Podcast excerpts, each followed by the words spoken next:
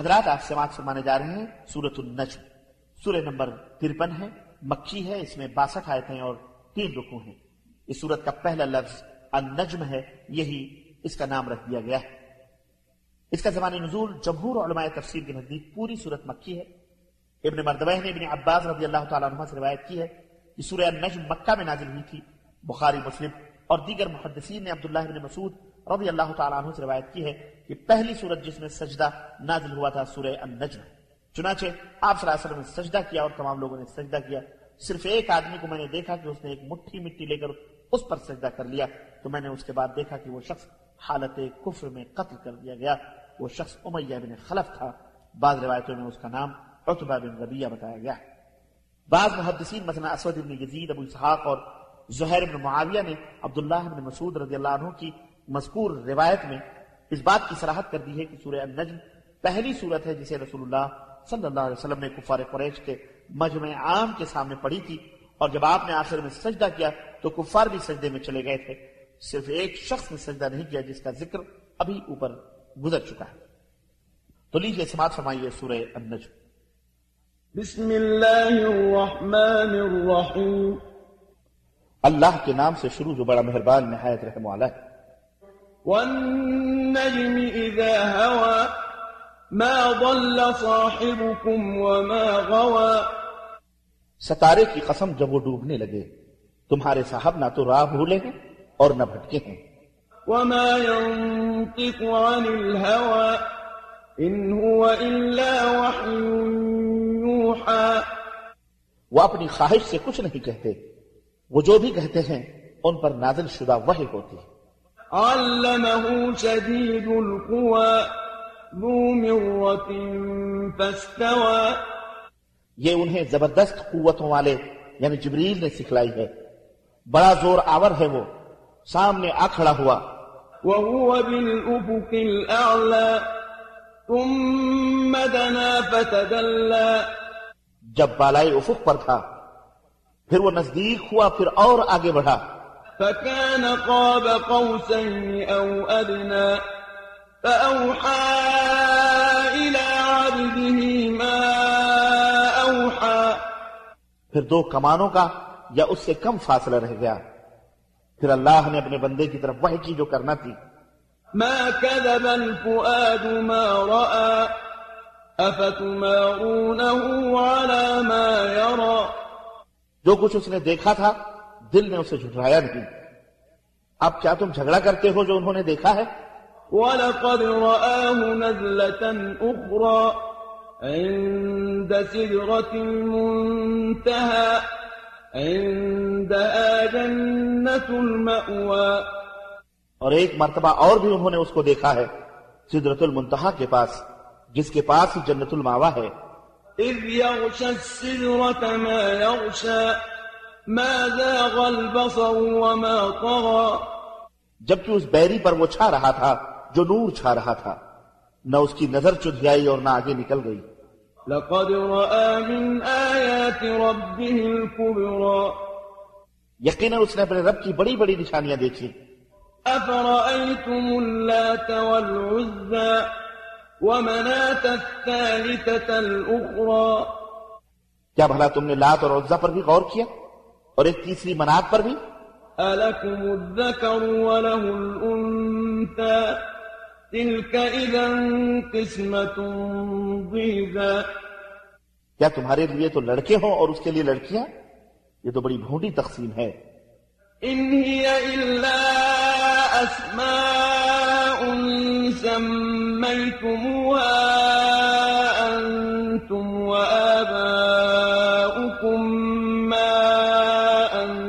أنزل الله بها من سلطان إن يتبعون إلا الظن وما تهوى الأنفس ولقد جاءهم من ربهم الهدى یہ تو بس ایسے نام ہیں جو تم نے اور تمہارے آبا اجداد نے رکھ لیے ہیں۔ اللہ نے ان کے لیے کوئی دلیل نازل نہیں کی۔ یہ لوگ محض زن کی اتباع کر رہے ہیں یا پھر اس چیز کی جو ان کے دل چاہتے ہیں حالانکہ ان کے پاس ان کے رب کی طرف سے ہدایت پہنچ چکی۔ أم للإنسان ما تمنى۔ انسان جیسی بھی تمنا کرے کیا اسے مل جاتی ہے؟ فلله الآخرة والأولى۔ آخرت اور دنیا کا پورا اختیار تو اللہ ہی کو ہے۔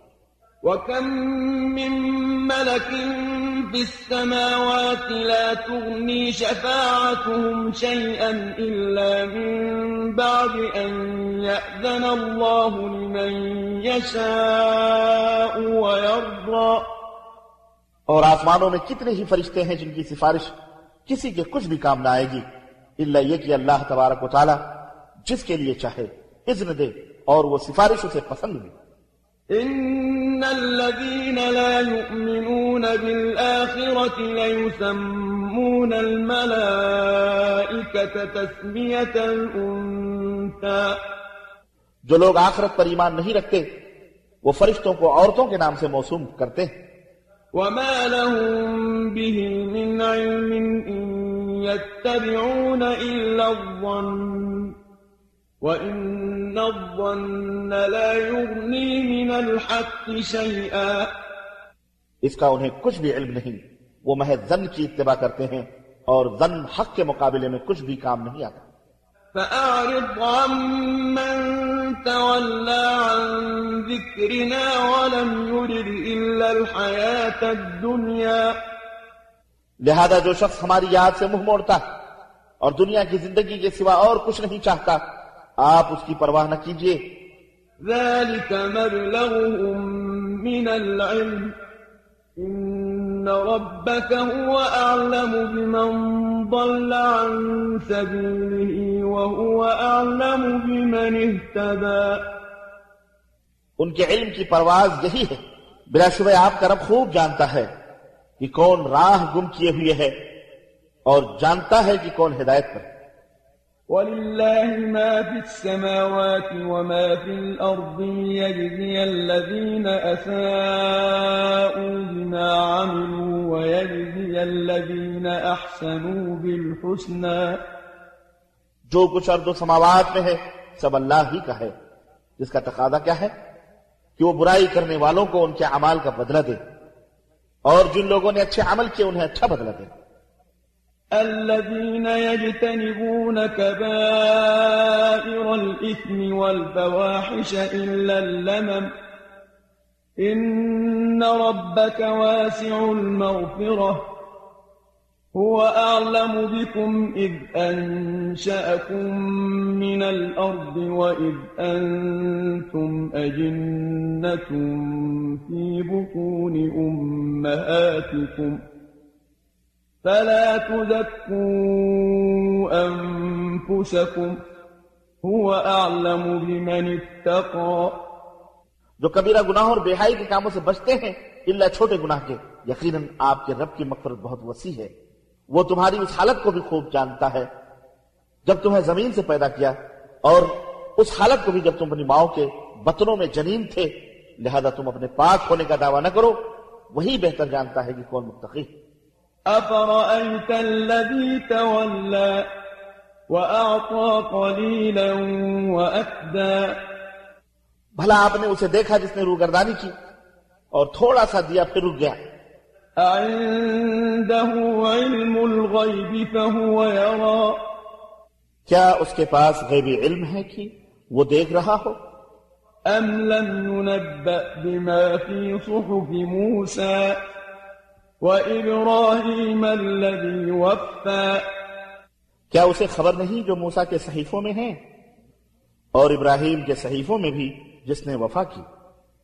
ألا تذر وازرة وزر أخرى وأن ليس للإنسان إلا ما سعى کہ کوئی بوجھ اٹھانے والا دوسرے کا بوجھ نہیں اٹھائے گا اور یہ کہ انسان کے لیے وہی کچھ ہے جو اس نے کوشش کی ہے۔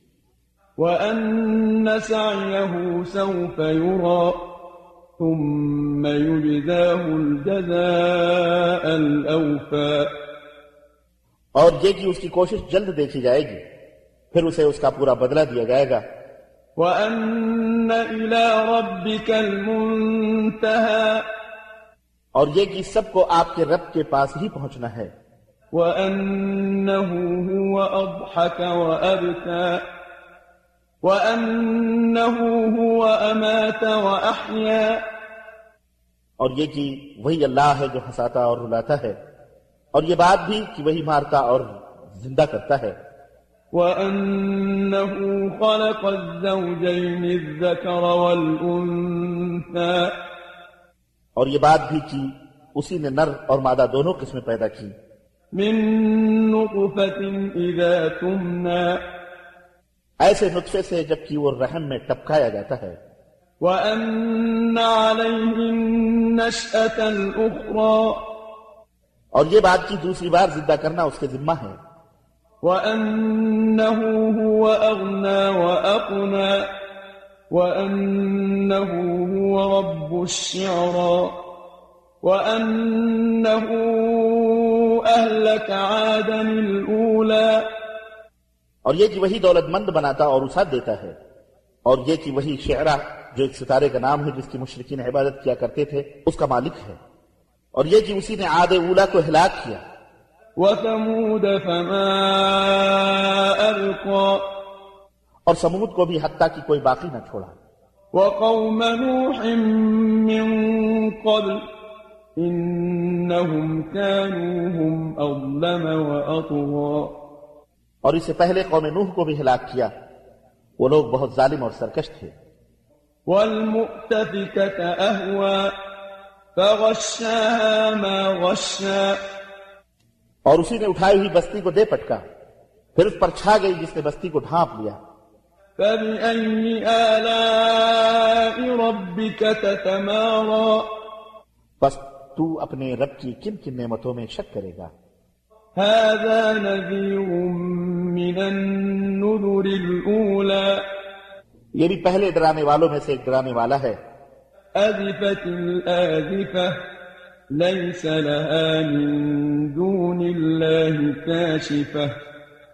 آنے والی گھڑی قریب آ پہنچی اللہ کے سوا کوئی اسے کھولنے والا نہیں۔ أفمن هذا الحديث تعجبون؟ کیا تم اس بات سے تعجب کرتے ہو؟ وتضحكون ولا تبكون. اور ہنستے ہو مگر روتے نہیں؟ وأنتم سامدون. فاسجدوا لله واعبدوا. اور تم اٹکھیلیاں کرتے ہو بس اللہ کے آگے سجدہ کرو اور اسی کی عبادت کرو۔